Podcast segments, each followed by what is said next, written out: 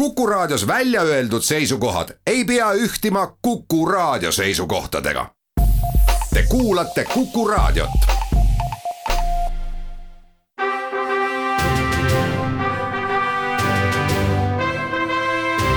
vahetund Tartu Postimehega. tere päevast, head sõbrad, kuues aprill, kell on äh, pisut üle ühe pärastlõunal äh, tiksunud nende jaoks, kes meid äh, kuulavad otse-eetri vahendusel, Kuku raadio Tartu ning Otepää sagedusel. Neile, kes meid podcast'ina jälgivad või podcast'i kaudu teagi, kuidas see keeleliselt õige nüüd täpselt öelda on. Äh, nende jaoks see kellaaeg nähtavasti mingisugust äh, äh, tähtsust ei oma ja olge õnnelikud, nii on, nii oletegi rohkem iseenda peremehed, aga rõõm, et olete meiega. tänane saade allub kolm pluss kaks reeglile see, see seisneb siis selles, et juttu veeretab kolm meest, aga kahel teemal. stuudios koos minuga, mina olen Rannar Raba, on siin Armas Riives tere! ja telefonitsi äh, on vestlusringiga ühinenud äh, Jüri Saar. tervist! ja need kaks teemat äh, on vähemal või rohkemal määral seotud poliitikaga, esimene väga selgelt äh, parteipoliitiline, no ongi selline poliitilise vaidluse järellainetus, äh, et mitte öelda kurioosum. me tahame rääkida sellest, kuidas ähm, Eesti Konservatiivse Rahvaerakonna Tartu piirkonna eelmine juht, Indrek Särg, ka paaridel valimistel, äh, paaril valimisel väga kenakese tartlaste hääle, häältesaagi kogunud mees, on siis nüüd ähm, pärast pärast seda, kui ta sellest ähm, ametist äh, lahti tehti ja ka erakonnast välja visati, läinud kohtusse ja, ja nõuab seal oma õigust, ehkki ta tegelikult ju EKRE-sse tagasi sugugi enam vist ei igatse ja teine teema äh, räägib kõige laiemas äh, sõnastuses siis planeerimisest, me tahame rääkida äh, Verevi äh, järveäärsest detailplaneeringust, mis Elva vallavolikogus äh, eelmisel nädalal kehtestatud sai, aga ka kindlasti äh, otsida neid, neid, neid kombitsaid selles teemas, mis jõuavad otsapidi siia Tartusse kuri, nüüdseks juba kurikuulsaks saanud Süku sõnasõjaga seoses. aga kõigepealt siis siis äh, EKRE-st ja, ja selle eelmisest Tartu piirkonna juhist Indrek Särjest. meil ilmus äh, äsja, Armas, äh, sinu sulest lugu sellest, kuidas Indrek Särg on siis EKRE-st väljaviskamise otsuse kohtus vaidlustanud, ometi selleteemaline esimene kohtuistung jäi võrdlemisi lühikeseks. ole hea, heida nüüd pisut valgust, mis siis toimumas on ja miks see esimene istung niimoodi kobamisi lühike oli jah, no kõigepealt äh, meenutuseks, et kaks aastat äh, tagasi, maikuus ja mai lõpus äh, Särg erakonnast siis välja heideti, et tema postkasti siis olevat toonase erakonna juhi Mart Helme mm, siis allkirjaga kiri tulnud, kus siis teatati, et ta on välja visatud, noh, ta arvas, et see on ebaõiglane, ebademokraatlik, ebaseaduslik ja, ja ta selle siis vaidlustas kohtus. ja nagu sa ütlesid, jah, ta ei plaani tagasi minna erakonna, erakonda. no nüüd kaks aastat on siis see kirja, no vähem kui kaks aastat on see kirjavahetus siis äh, kahe osapoole vahel siis käinud, Särg ja EKRE. ja nüüd e märtsi lõpus toimus esimene kohtuistung Harjumaa kohtus. miks ta lühikeseks jäi, sellepärast et seal arutati äh, võrdlemisi tehnilisi küsimusi, äh, mis puudutab seda, et kas see hagi, mille Indrek Särg äh, esitas EKRE vastu, on üldse noh, mida ta siis õiguslikult üritab seal üldse nõuda või tõendada, see jäi ebaselgeks, äh, vähemalt siis EKRE advokaadi äh, sõnul ja ma saan aru, et kohus nõustus. jah, kohus nõustus ja, ja nüüd on siis uuesti aega kahekümne esimese maini see hagi siis uuesti esitada või siis korda teha või kuidas seda siis öelda. ja, ja siis on omakorda EKRE-l aega kuu aega vastata, ehk siis pärast juunit alles saab teine istung tulla, aga esimesel istungil äh, kõlasid ikkagi mõned äh, süüdistused või no etteheited, ütleme niimoodi. et äh, need olid võrdlemisi sellised noh, humoorikad, aga, aga seal taga on ikkagi noh, tõsisemad süüdistused ka jah, täpselt nii, et siin on kaks peamist põhjust, et miks me sellest äh, teemast üldse praegu räägime. et esiteks, Indrek Särg on äh, eelmistel valimistel ennast näidanud äh, suhteliselt populaarse, me ei tea seda, kas tema kui persoon on olnud populaarne või tema kui toonane EKRE kohalik liider on, on need hääled pälvinud, seda võiksid näidata mingid järgmised valimised, aga sellest räägime edasi. see on üks põhjus, et, et Särg ei ole sugugi vähetuntud mees, vähemalt kohaliku poliitika mastaabi mõttes ja, ja teine asi on just nüüd märksa olulisem see, et millest räägib, räägivad need pisikesed detailid, mille vastu see särg seal kohtus vaidleb, et mille pärast ta EKRE-st välja visati, et kuidas see kirjeldab meile parteipoliitikat. ma ei tea, kas see laieneb ka teistele erakondadele kuidagipidi, mingis mõttes ma, ma ei kahtle, et laieneb ka. aga ka kindlasti EKRE sees ja nüüd on sul võimalus võib-olla heita valgust pisut noh, mõnesse värvikamasse seika, mille üle seal siis vaidlus käib, miks EKRE-st ta välja visati ja millega Särk üldse nõus ei ole jah, nojah, siin on jah, need äh, siuksed humoorikad äh, killud, millest me ka lehes äh, rääkisime. ja siis on need nagu tõsisemad asjad, milles, milleni tegelikult istungil ei jõutudki, eks ole. et seal on hästi palju erinevaid episoode ja, ja siit tuleb ka välja see, et see hagi on üldse segane, et, et pole nagu teada, noh, mida ta täpselt nõuab, eks ole, et kas teda tagasi võtta sinna, kui ta ise sinna ei soovi. kas on plaanis nagu siis kaitsta oma väärikust ja nii edasi, et, et seda ma nii täpselt ei oska kommenteerida, aga, aga noh, seal istungil kõlas näiteks äh, äh, noh, et toona, kui ta oli siis erakonna juht, näiteks keegi oli siis maja seinale sodinud siis äh, väga ebaväärika kirja EKRE kohta. kas siin raadioeetris võib öelda, fuck EKRE oli sinna siis graffitiga soditud. ja, ja siis väidetavalt ei olnud siis Särg seda piisavalt kiiresti noh, tegutsenud, et seda siis ära sealt koristada. et siis tunnistajate sõnul pool aastat on, on ikkagi kops üle maksa läinud, eks ole, ja ja ja siis, äh, aga Särg kaitseb ennast, et tema ülesanne ei ole koristada ja, ja pealegi ta oli siis toona juba esitanud mingi avalduse majahaldurile ja ka politseile. et noh, sihuke sõnasõda lihtsalt. Särje väitel on see siis lihtsalt naeruväärne ettekääne. jaa, absoluutselt jah jah, aga, aga erakonna jaoks on see oluline detail, sest see nagu iseloomustab seda juhtimiskultuuri Tartus ja seda sihukest võimukust ja, ja noh, sihukeste erakonna juhtfiguuridele, Helmedele ikkagi vastuseismisteks mm. -hmm. no seal on veel, noh näiteks selline, et et siis erakonna kontoris Tartus seal Laial tänaval, kui ma ei eksi,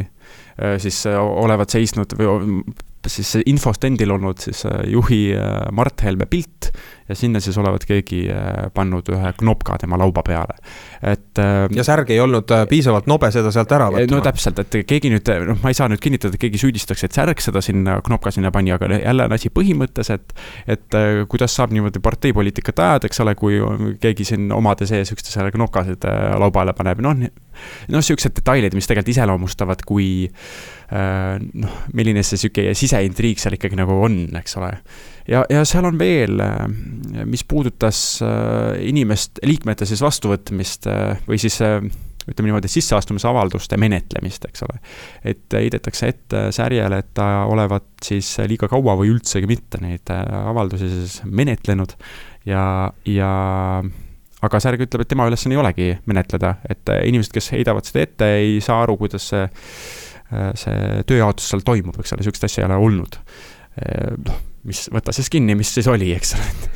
et noh, teisest küljest, äh, kui ta on juhatuse esimees, eks ole, kas ta peab tegelema? ma ei tea teeme reklaamipausi ja pärast seda siis äh, jätkame kolmekesi sel teemal, et milliseid puid selle metsa taga võiks näha.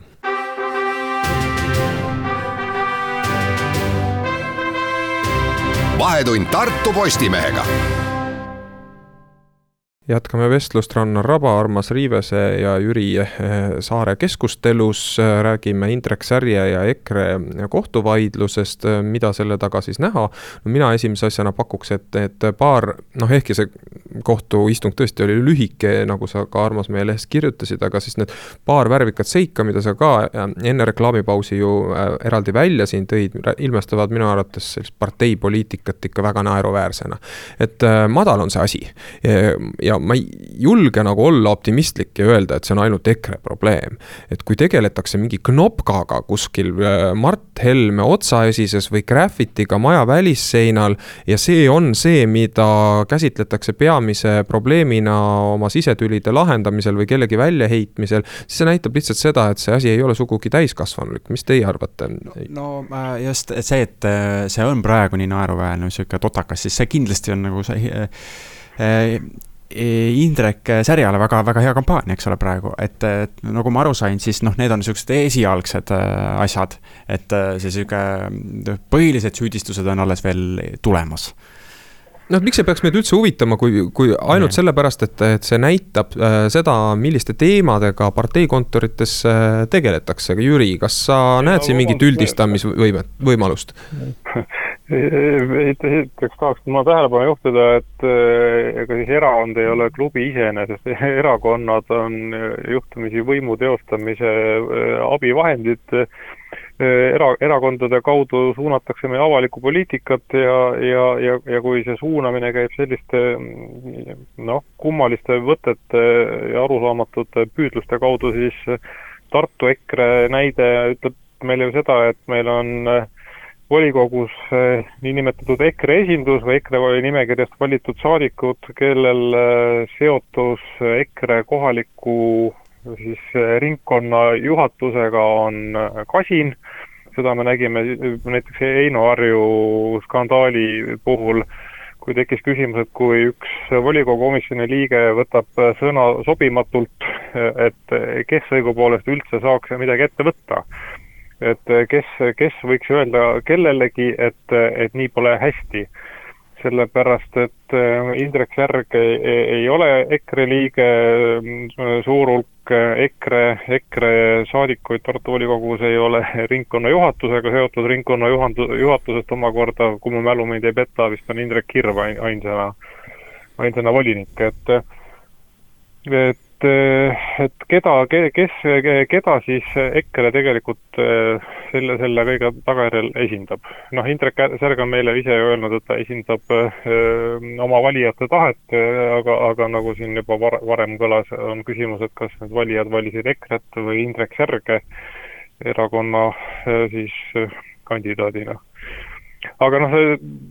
laiem, laiem pilt on see, et sama, sama segane on ju see Moxiti skandaali mm, tõlkimine, et kui äh, mäletatavasti Tartusse saabus uus Keskerakonna äh, piirkonnajuht, ringkonna piirkonnajuht, jah. ja asus äh,, asus, asus siis võtmepositsioonidel inimesi vahetama, siis ega see põhjendus oli ka natuke arusaamatu ja tagajärg ähm, on raskesti tõlgitav võiduna, vähemalt äh, praeguses vaates, võib-olla mõne aja pärast äh, me saame sellest teisiti aru. Täpsustame siis ära selle, et äh, see sinu poolt pruugitud väljend moksit tähendas siis seda, et Keskerakonna abilinnapea Monika Rand keskerakondlaste endi siseheitluse tulemusena puksiti erakonnast välja ja võimust eemale noh, ja, ja, ja põhimõtteliselt Keskerakond puksit, puksiti välja võimuliidust, sest, sest nii pidi olema hea ja õilis, kaotati volikogu esimehe koht ja kaotati veel ka teine abilinnapea koht äh, erakonnalt ja istutakse opositsioonis ja ei ole mingit võitu näha sellest no aga millest kõneleb siis meile see, et äh, need äh, värvikad äh, skandaalid või skandaalikesed toimuvadki just sellistes erakondades, mille kandepind Tartus on väga väike, et me ju ei kuule, et reformierakondlased väga omavahel nagistaks, et sellist harmooniat nagu noh, vähemalt sotsiaalmeedia põhjal vaadatuna on Tartu reformierakondlaste ladvikus annab ikka nagu ka parematesse abieludesse tahta kui see, kui see nüüd päris tõsi oleks, aga. no vot, ma ei tea, aga ma räägingi see, et, et see sealt, kas siis on nii, et ei osata välja võimuvõitlusi näidata äh, või siis ollaksegi mingilt moel, mingil moel kultuursemad? no võib-olla tuleb siin seda asja vaadata ka teisipidi, et kui ollakse võimul äh, väga tugevalt, äh, väga kindlalt ja, ja, ja on kõigiti suudetud tõestada, et, et, et, et me, et me oleme suutelised võib-olla siis ka seda ambitsiooni talasid raputada natuke vähem, sellepärast et ega siis eh, EKRE, EKRE seis ju volikogus isegi vahetult pärast valimisi noh, ei olnud midagi roosilist, meil oli seal küll korralik esindus, aga, aga, aga, aga, aga koalitsiooni nad ei pääsenud. Tartu volikogus opositsioonis istumine tähendab võimalust rääkida, kuid tagajärjed on noh, nagu nad on, protokolli jääb jälg, kuid, kuid, kuid maailma, maailma suures pildis nagu see väga, väga palju enamasti mõjutada ei suuda. Ja Keskerakonnal oli ju tegelikult seal ta-, taustal, taustal see lugu, et äh, meie tubli endine volikogu esimees oli tubli väga paljudes ametites, aga, aga, aga äh, mingisugune osa erakonnast või kohalikest erakondadest ikkagi tajus, et et võib-olla seda, seda, seda demokraatia raasukest mängitakse liiga, liiga vähe, sest et kõik on selge niigi. et võib-olla kuskilt sealt tuleb vaadata neid, neid, neid vastuseid mm. -hmm. fakt on see, et nii Keskerakond kui EKRE praeguse seisuga ei ole Tartus jällegi, saame ju rõhutada seda, et pealtnäha jalgu alla saanud. No me saame jalad all. no nii, et me mida, võiksime neid, nii, et me võiksime neis näha juba sel sügisel toimuvate kohalike valimiste, kui mitte favoriite, siis Reformierakonna ohustajaid või neile noh, vähemalt väärilises kaalukategoorias konkurentsipakkujaid. Pole no selleks, et, selleks, et pakkuda konkurentsi, peaks pakkuma mingisuguseid ideid, millega kutsuda esile muudatust, mis meeldiks äh, suurele osale inimestest, aga neid ideid ei ole ju. no kuidas ei ole, et üks idee on, et tuleb väga ruttu võtta Mart Helme otsa eest ära knopka ja teine idee on see, et tuleb väga ruttu seina pealt maha äh, pühkida graffiti mm noh, ilmselt on äh, igaüks koolist endi lautahvlil näinud äh, au, au, au, nööpmeeleaukude või kropkaukudega pilte, et selles ei ole midagi enneolematut ja autahvlil pilt on ikka uhke ja, ja aga okei okay,, võtame nüüd selle teema äh, kokku, kohe-kohe peame minema pooltunni uudiste äh, lainele, aga kas võiksime siin ikkagi näha ka konkreetselt Indrek Särje äh, siis isikliku valimiskampaania algatust sellega, et ta nüüd just on kohtusse jõudnud vaidluste faasi, et kas siin saab olla mingi ajastatuse loogika ka? ja ma just tahtsin seda kommenteerida, et, et noh, mulle ta ütles, et toona meil juba oli juttu sellest, et ei ole kindel, mida ta edasi teeb, kas ta läheb erakonda või valimisliitu. Äh, sama ta ütles mulle nüüd eelmine nädal aga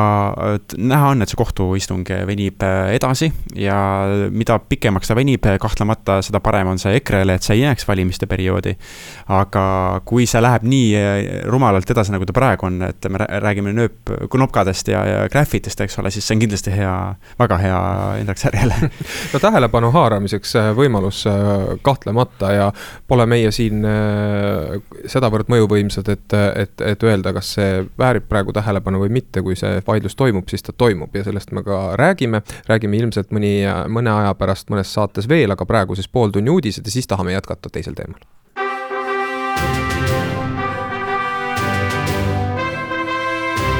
vahetund Tartu Postimehega saade jätkub kolm pluss kaks režiimis, kolm ajakirjanikku, Rannar Raba, Armas Riives ja Jüri Saar saates ning räägime kahel teemal, õigemini nüüd juba teisel teemal ja see siis ähm, lähtub uudistest, mis äh, jõudsid leheveergudele eelmise nädala keskpaigas. Elva vallavolikogu teadupärast siis äh, kehtestas detailplaneeringu, mille üle äh, seal ähm, Männilinna kandis oli juba mõnda aega vaidlusi peetud, aga nüüd selle volikogu viimase, äh, viimase otsuse. Valguses jõudis asi jälle teravamalt ka leheveergudele, tähendab siis seda, et Eh, Verevi eh, järveäärse rannaala detailplaneering võimaldab nüüd hakata planeerima kuni kahe tuhande ühesaja kahekümne ruutmeetrise eh, siis põhjapinnaga uut rannahoonet. aga see ei ole ainult rannahoone, nagu seda klassikaliselt sellistes väikestes Eesti randades on harjutud nägema, et sellise, sellise hoone mahu ja kubatuuri juures, mida sel nüüd värske detailplaneering ette näeb, võiks sinna muuhulgas nende noh, noh, klassikaliste rannafunktsioonide juures planeerida ka väiksema ujula koos spaaga. Ja see on, ütleme siis, mina ei tea, kas elvalased kahte lehte löönud, võib-olla nad on suuremalt jaolt ühes lehes. Aga, aga kui vaadata vallavolikogu hääletustulemust, kolmteist vastu ja neliteist poolt, kuidas see detailplaneering kehtestati, siis äh, võiks ju rääkida küll sellisest ähm, noh, leeridesse jagunemisest ja ka meie leheveergudel on siis olnud ühel pool inimesed ähm, eesotsas ähm, eesotsas kultuurikorraldaja Juhani Jageriga, kes, kes äh, kirjutas meie arvamusküljele kriitilise arvamusloo selle planeeringu eelprotsessidest või planeeringuprotsessist. ja teisel pool on olnud siis äh, kohaliku võimu, praeguse võimuliidu äh, reformierakondlasest esindaja ehk siis abi, abi vallavanem Kertu Puks. noh, nemad on siis olnud need kõneisikud, aga me saame aru sellest, mis toimub ka sotsiaalmeedias, et on väga palju inimesi, kelle arvates see äsja kehtestatud detailplaneering ikkagi seab äh, ohu, mille tõttu äh, saavad ähm, realiseerimata minevikuks äh, need jutud, mis pakkusid, et kunagi võiks Elva keskel olla uus spordihoone, see on nüüd olemas, igati imposantne ja uhke rajatis ja selle juures ka siis kõigiti normidele, tänapäevastele normidele, ka võistlusnormidele vastav ujula, et armas, sina oled loo autor, kas nüüd on midagi olulist, mida ma praegu selle asja kiireks eh, pealkirjastamiseks ja kokkuvõtmiseks, eh, kokkuvõtmises jätsin ütlemata? ma tooks selle sotsiaalmeedia poole sisse rohkem, et, et ja noh, nagu me teame, see planeeringu arutelu on kestnud väga kaua ja, ja meil on varem ka olnud sellel teemal sõnavõtte, aga, aga nüüd eelmine esmaspäev jah oli see planeeringu vastuvõtmine, et nagu sa ütlesid, et äh, neliteist poolt ja kolmteist vastu. No see ikkagi näitab, et see pigem on kahes leeris, et äh, Reformierakond siis äh, koalitsioonijõuna siis see kallutus ühele poole selle. aga, aga enne seda otsuse vastuvõtmist oli sotsiaalmeedias ikka ka raju sõnavõtmine, et Elvalastel on oma grupp, seal on paar tuhat liiget. ja nad olid siis teinud sihukese küsitluse seal, et kas te soovite seda sinna Verevi randa või siis hoopis sinna spordihoone juurde ja need, kes seda ei toeta sinna randa ehitamist Eh, need on ülekaalukalt, ma praegu võtsin selle lahti, see on pea tuhat ütlevad, et ärme ehita seda randa ja, ja siis kuusteist, kes eh, soovivad seda siis sinna randa ehitada. et noh, siis tekkis siin ka see vaidlus, eks ole, et kas see sotsiaalmeedia on ikka päris õige koht, kus seda niimoodi küsida, eks ole, sa ei tea, kes seal grupis on. Eh, saadad seda oma sõpradele, sa ei tea, kes seda vastab, eks ole, ja et kas see ikkagi näitab seda elvalaste arvamust. noh, ma ei tea. näitab muidugi, loomulikult näitab, ta ei näita täpselt aga ta näitab aga, aga selle kõrval ka see, kes selle küsimus, Toomas Laatsit, kes selle küsimuse tegi, ta ütles ka, et aga neil ei ole nende arvamust ei olegi uuritud. et vald lihtsalt teeb seda, mida ta tahab, aga teisest küljest on ju olnud arutelud, on ju olnud see kuidas sa ütled, väljapanek, eks ole mm. -hmm. kõik on saanud oma arvamust öelda, et noh, ma ei tea, kus see siis äh, piir läheb. seda keegi, üks moment, Jüri, ma ütlen selle lause ära, et, et mm -hmm. minu teada keegi ei ole ka väitnud, et senine planeerimise protsess oleks kuidagipidi seadust eirates toimunud. aga see ei, ei muuda vaidlust olematuks ja see ongi põhjus, miks ta ka on meil praegu jutuvääriline teema. nii, palun, Jüri ei, ma tahan seda öelda, et ega jah, võtta sabast, et ega siis seaduslikult läbi viidud planeerimisprotsess ei pruugi eh, tagada veel sellist äh, valmis hoonet, mis äh, sobib suurele osale inimestest, aga me peame vaatama siin justkui kõigepealt neid ülesandeid, mida ühelt poolt proovib Elva võim lahendada ja see ja see ülesanne on ju tegelikult võetud juba valdade ühinemislepinguga viis aastat tagasi kui, kui ühinemisleping nägi ette, et Elvas ehitatakse ujula, aga me teame, et Elva vald sarnaselt Tartu linnale on, on äh, seda palju vaene, et kui välisvahendeid äh, mängu ei võta, siis ega väga palju oma, oma jõududega teha ei saa. ja sellepärast on äh, otsitud ju ikkagi sellist sellist, sellist ehitamise viisi, mis võimaldaks võimalikult vähe äh, avalikku raha mängu pannes saada siiski ülesanne lahendatud ja siis on jõutud äh, oma otsingutes sellesse punkti, kus praegu ollakse, ehk Verevi randa, mis võib olla äh, noh, mõnes mõttes väga, väga problemaatiline, aga, aga on, on usk, ma ei tea, võib-olla kellelgi on ka teada investori nimi, kes on valmis raha sinna alla panema. Aga on uh, mingisugune usk tekkinud, et äkki leidub see investor, kes ehitab uh, uh, valmis ujula ja tegelikult isegi mitte niivõrd ujula, aga ehitab valmis spa-kompleksi mille juures, kui lugeda hool-, hoolikamalt detailplaneeringu seletuskirja, võib olla veel mingeid lisafunktsioone, otsad jäävad õhku, et ega me täpselt ei tea, mis hooned sinna kavandatakse. aga see võti on ikkagi selles, et Elva vald ei jaksaks oma vahenditest ehitada ujulat ka sinna spordihoone juurde, sest et me räägime tõenäoliselt suurusjärgust mõni, mõni, mõni miljon kuni, kuni viis miljonit eurot, see vahemik on tuletatav esiteks sellesama Elva oma spordihoone ja ujulakompleksi rajamise hinnakalkulatsioonidest ja me võime Tallinnas Õle spordikeskuse sinna taustaks võtta kuskil kaheksa pool miljonit eh,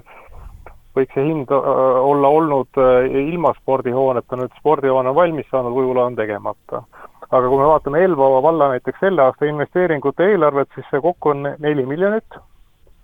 sellest äh, toetused on üks koma kolm miljonit, omavahendid on kakssada kuuskümmend seitse tuhat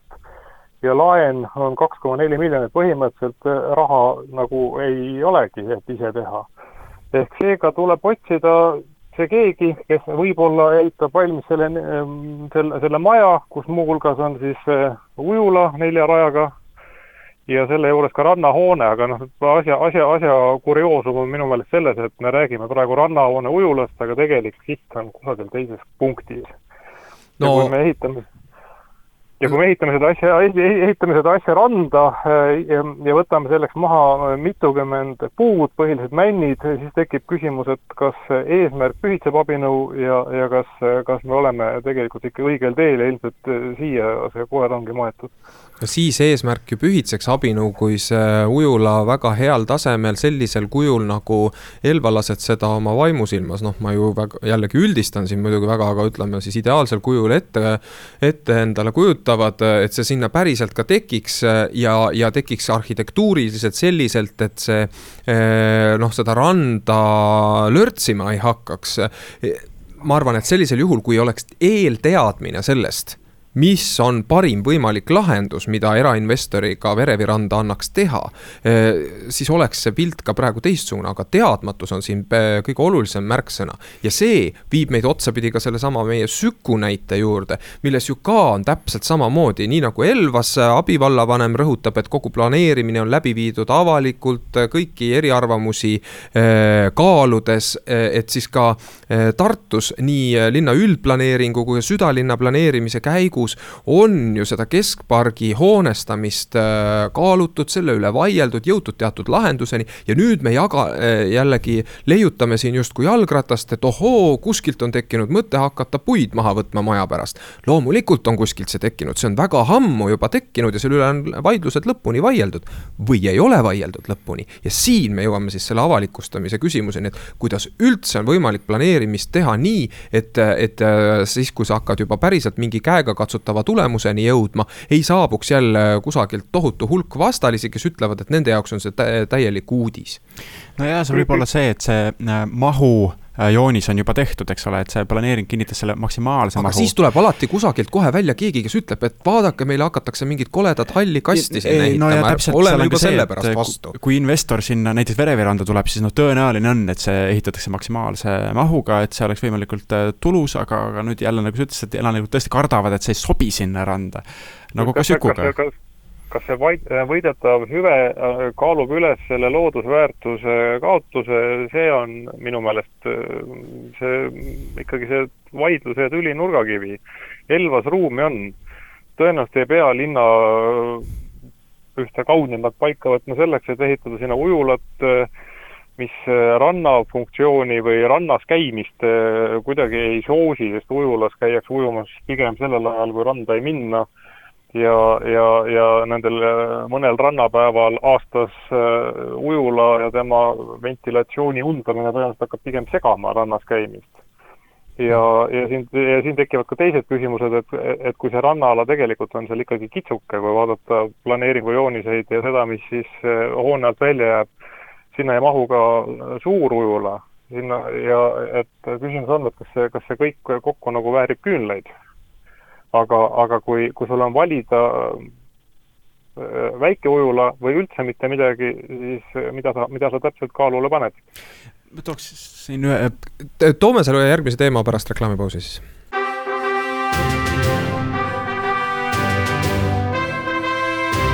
vahetund Tartu Postimehega Rannar Raba, Armas Riives ja Jüri Saar räägivad äh, avaliku ruumi planeerimisest Verevi äh, rannaala ja, ja siis ähm, Tartu keskpargi näitel enne reklaamipausile minekut võtsin äh, sõna suust ära, Armas, sinul, et ole hea,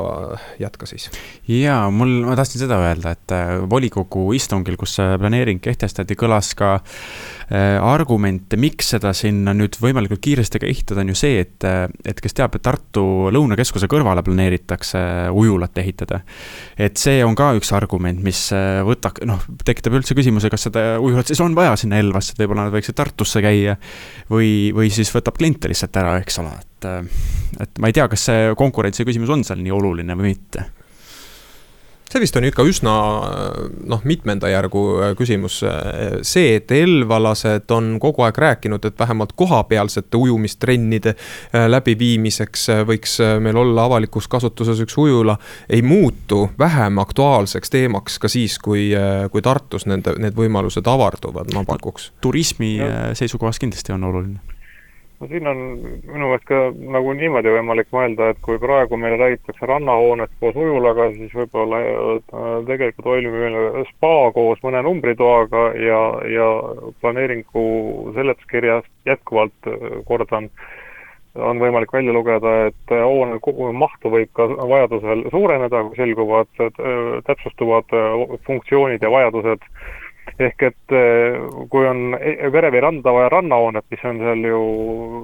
ajaloo jooksul vähemalt kaks korda olnud ja siis eh, otsa saanud ja ära lammutatud, teisel katsel ära põlenud. no aga seda Kertu Puks ka tuletab ju meelde, et Elva ei ole ise eh, võimeline uut rannahoonet ehitama, aga erainvestor seda teha, teha sellises funktsioonis ei taha aga mis on rannahoone, mis on, mis on tegelikult rannahoone, mis peab olema rannahoone? paadikuur ja vetelpäästja tool, kohvik. vete, no kohvik. umbes nii ja, ja siis jäätis ja kohvik ja äh, kemmerg ja, ja siis edasi on juba vaaria, eks ole. et äh, see ei käiks ilmselt isegi Elva-sugusele äh, omavalitsusele üle jõu, et ehitada sinna lihtsalt midagi sündsamat, kui see peab olema suurem kui praegu küsimus on, kas sellises paigas peab olema võimalikult suur maja või, või ta ei pea seda mitte. Mulle meeldib kangesti me-, meenutada Anne kanali otsa rannahoone kavandamist. ma olen seda vist lehes mitu korda juba kirjutanud, aga see on see maja, mis on kanali otsas äh, Turusilla juures ja kus on tõenäoliselt kõige parem äh, vaade hambaravitoolis istudes siis ähm, suurele lahtisele veekogule. aga sealt suurelt lahtiselt veekogult on kohutav vaade, ma ütlen kohe vahele, vabandust. No täpselt, aga, aga et äh, seda, seda maja seal asuti ka planeerima kui rannahoonet, aga, aga puutumus rannaga ja rannategevustega sellel majal puudub täielikult, ehk et ehk et see, et sa asud planeerima midagi, ei tähenda, et, et tulemus on see, mida sa planeerima asusid ja et kas selles Elva tulevases rannahoones, mida praegu siis planeering teha lubab, on üldse mõni vetelpääste tookenegi. Seda me ju ka hetkel ei tea. Nojah, ja siin ongi need hirmud, mis jõuavad ka ju Süku vaidlusesse sisse, et, et ühelt poolt on väga lihtne ju ennast noh, nii-öelda äh, on oma alarmeeritus maha suruda sellega, et, et kui tuleb arhitektuurikonkurss, siis on ju võimalik leida väga hea lahendus, mis väga hästi äh, klapib kokku ümbruse ütleme siis reljeefi ja haljastusega ja võib-olla säästab siis ka, vähemalt kui nii lubatakse, säästab ka suuri puid võimalikult palju. et see kõik tule-, kõlab väga positiivselt, aga kuni selle hetkeni, kui sa näed, näed reaalselt seda tulemust, mis äh, tulema hakkab, aga siis ei ole ju enam midagi tagasi pöörata hoiatav?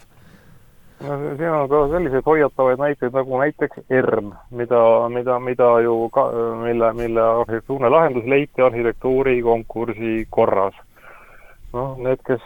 on natuke rohkem asjasse süvenenud, mäletavad, et et tegelikult võidutöö ei, ei, ei vastanud ei, ei, ei konkursi tingimustele ega ka kuidagipidi muuseumi vajadustele aga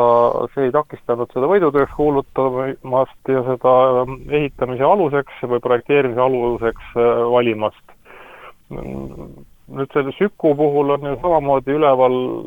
erine-, erinevasuunalised väited, et esiteks, et ehitusala vaat on üldplaneeringus määratud selline, pool pargist, aga ega nii, nii palju ei tule, et äh, vaja läheb kolmandikku ja siis äh, teises lauses öeldakse seda, et ega, aga me võime seda ehitusala piiri ka muuta, teeme siis üldplaneeringut muuta detailplaneeringu ja mida meile siis lubati, mida meile kinnitati, ega päris täpselt me ju ei, ei, ei tea. ja samal ajal äh, avalikkuse kaasamise koht on sellel ajal, kui, kui käib planeerimismenetlus, aga, aga arhitektuurivõistluse žüriisse äh, annaks jumal rahva, rahva, rahvaesindajaid vist ikka ei kutsuta. väga tahaks äh, minna sellist populistlikku teed ja öelda, et, et üks rahvaküsitlus või vähemalt avalik väljapanek koos arvamusavalduste ja mingi teatava demokraatliku protsessiga, ehk siis hääletusprotsessiga võiks ju toimuda veel siis, kui on äh, arhitektuurikonkurss äh, läbi viidud aga me teame ju, kuhu see tegelikult viib, et, et siis ei, ei no., ei saa ellu viidud mitte ühtegi ehitusprojekti sest noh, ei ole midagi hõlpsamat, kui üks avalik arvamus kuhugi kraavi ajada seda. ma ütleks letos vett selle peale. noh, just. rohkem, tõlget pole vaja äh, nii on, et ähm, äh, Armas, mis sa arvad, äh, kuidas nüüd teha nii, et, et Elvas inimesed rahule lõpuks jääks, et mis ma saan aru, et praegu vallavalitsus peab siis hakkama korraldama konkurssi siis leidmaks partnerit, kes, kes tahab selle, selle maa-alaga tegelema hakata samal ajal mitte kuhugi ju ei kao see inimeste arvamus, et õige koht oleks äh, ujula jaoks ikkagi seal spordijoone juures ja, ja teise järve ehk siis Arbijärve juures nojah, muidu jäi mainimata, et see äh, Facebooki korraldaja Toomas Latsit äh, ütles mulle ka sellise lause, et, et elanikkond plaanib võib-olla isegi kohtusse minna selle otsusega, nüüd ma ei oska öelda, kuidas või täpselt mida, aga, aga see seiskaks selle tegevuse tõenäoliselt mitmeks aastaks. Äh, no tõenäoliselt nad seda ei tee, sest see võtab liiga palju ressurssi ja kui võtta, mis on üldse volikogu funktsioon, eks ole, siis ongi rahvast esindada, eks ole. aga see pooleks näitab ikkagi minu arvates seda äh, lõhestumist ja, ja nii oluline ehitis äh, sinna Revee äärde ma arvan, et see, see toetus võiks olla pigem suurem, et ma arvan, et peaks leidma mingi funktsioon ikkagi, kuidas äh, uuesti seda alt üles nagu ajada, et, et kui nii palju inimesi vastu juba volikogus, siis noh, näitab, et, et ikkagi päris kaasatud nagu ei ole pigem äh, rahvast. ja üks õppetund muidugi veel poliitikutele ennekõike siis noh, kui te lähete valimistele vastu, nagu seda on praegune ajaperiood ka, siis natuke mõelge, mida te inimestele lubate või kui te midagi lubate, siis kuidas inimesed seda võivad vastu võtta, et see Elva näide on kindlasti üks, üks nendest, kus äh, sõltumata sellest, mida täpselt öeldi, inimesed said petta, et kui enne eelmisi kohalikke valimisi, kui haldusreform läbi viidi ja selle üheks tingimuseks justkui seati, et kui Elva su-, tekib suur Elva vald ja te sellega nõus olete, et siis sellisel juhul me saame kindlasti ka oma ujula. siis tegelikult ju mingisugust äh, põhja sellel lubadusel all ei olnud ja nüüd on tegemist äh, suure pettumusega ja see toidab ka seda planeeringuvaidlust, aga meie aeg on kahjuks otsas tagantjärgi muudeti, muudeti veel ühinemislepingut ja sõnastati ujula asemel spordihoone ja ujula mm. -hmm täpselt nii, aga olgu äh,, kella vastu me ei saa, aeg voolab ikka omasoodu, tõmbame siin tänasele saatele joone alla, loodame väga, et olete meiega ka järgmisel nädalal. seni lugege ikka lehte, kõike head.